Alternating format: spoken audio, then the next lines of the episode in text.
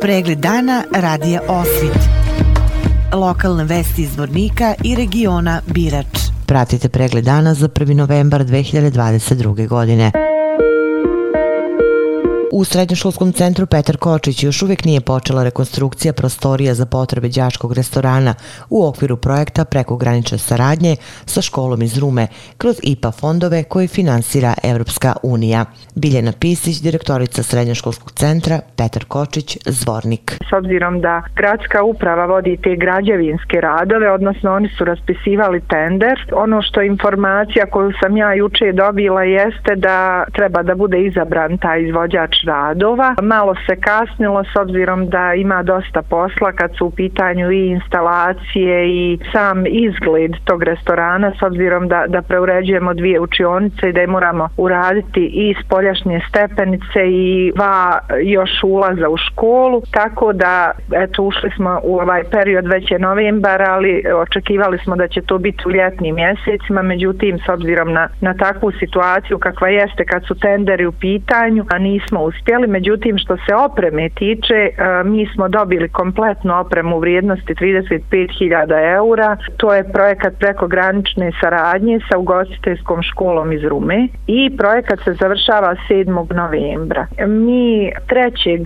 novembra odlazimo kod njih na otvaranje njihovog restorana, odnosno njihove kuhinje u okviru škole i tad ćemo se dogovoriti za stavljanje, da kažemo, u funkciju ovih naših aparata. Meni je žao što mi smo očekivali da će taj restoran biti gotov i da ćemo moći u potpunosti, znači u tom ambijentu i u tom objektu staviti u funkciju ove aparate, međutim trenutno to neće biti moguće, ali u svakom slučaju najvažnije je da evo bude izabran taj izvođač radova i da se završe ti građevinski radovi. Građevinski radovi inače e, su u vrijednosti negdje od 40 do 50 hiljada maraka i u potpunosti finansira gradska uprava. E, mi smo oslobodili nastave te dvije učionice i mi svaki dan očekujemo početak radova.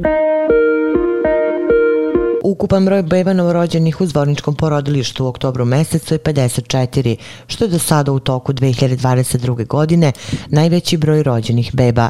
Rođen je 31 dečak i 23 devojčice, a obavljen je i jedan blizanački porođaj. U oktobru 2022. godine rođeno je šest beba više nego u istom periodu prethodne godine, kada je rođeno 48 beba. U porodilištu zvorničke bolnice za prvih 10 meseci tekuće godine rođeno je ukupno 400 215 beba.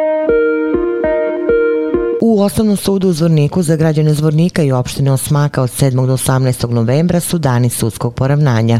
U okviru sedmice sudskog poravnanja sudovi u Bosni i Hercegovini pozivaju sve zainteresovane stranke, čiji se predmeti vode u prvostepenim i drugostepenim sudovima, da iskoriste priliku i svoj predmet reše sudskim poravnanjem. Cilj sudskog poravnanja je rešavanje što je moguće većeg broja predmeta mirnim putem, u skraćenom postupku koji je ekonomičniji i brži za stranke, što podrazumeva i jeftini način završetka sudskog spora. Sudsko poravnanje je mirni sporazumni način rešavanja spora koji podrazumeva međusobni dogovor stranaka u sporu. Zaključivanje sporazuma i stranke i sud su pošteđeni dugotrajnog vođenja sudskog postupka, nepotrebnog pribavljanja izvođenja dokaza, odlaganja, to jest odgađanja, ročišta i sl.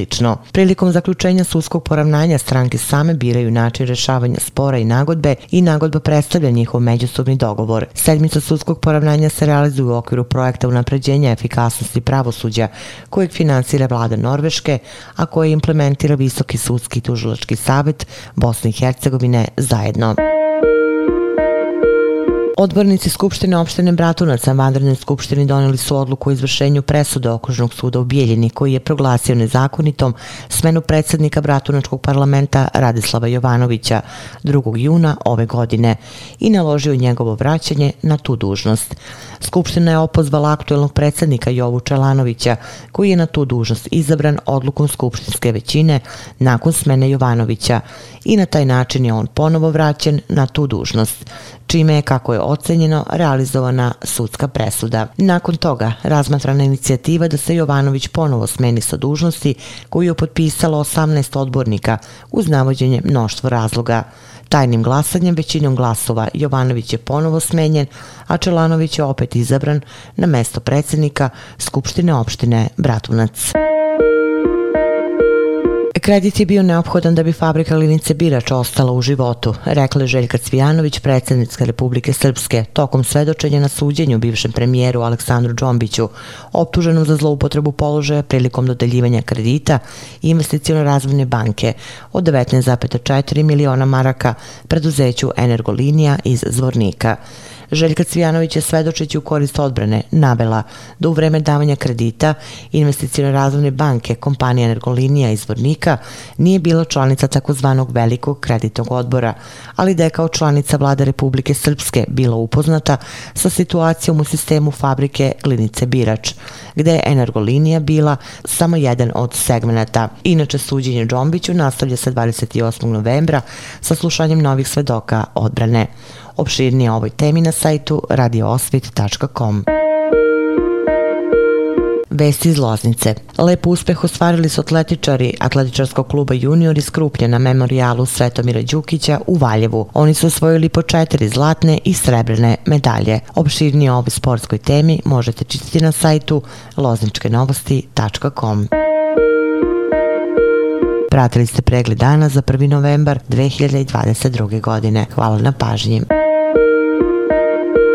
Pregled dana radija Osvit.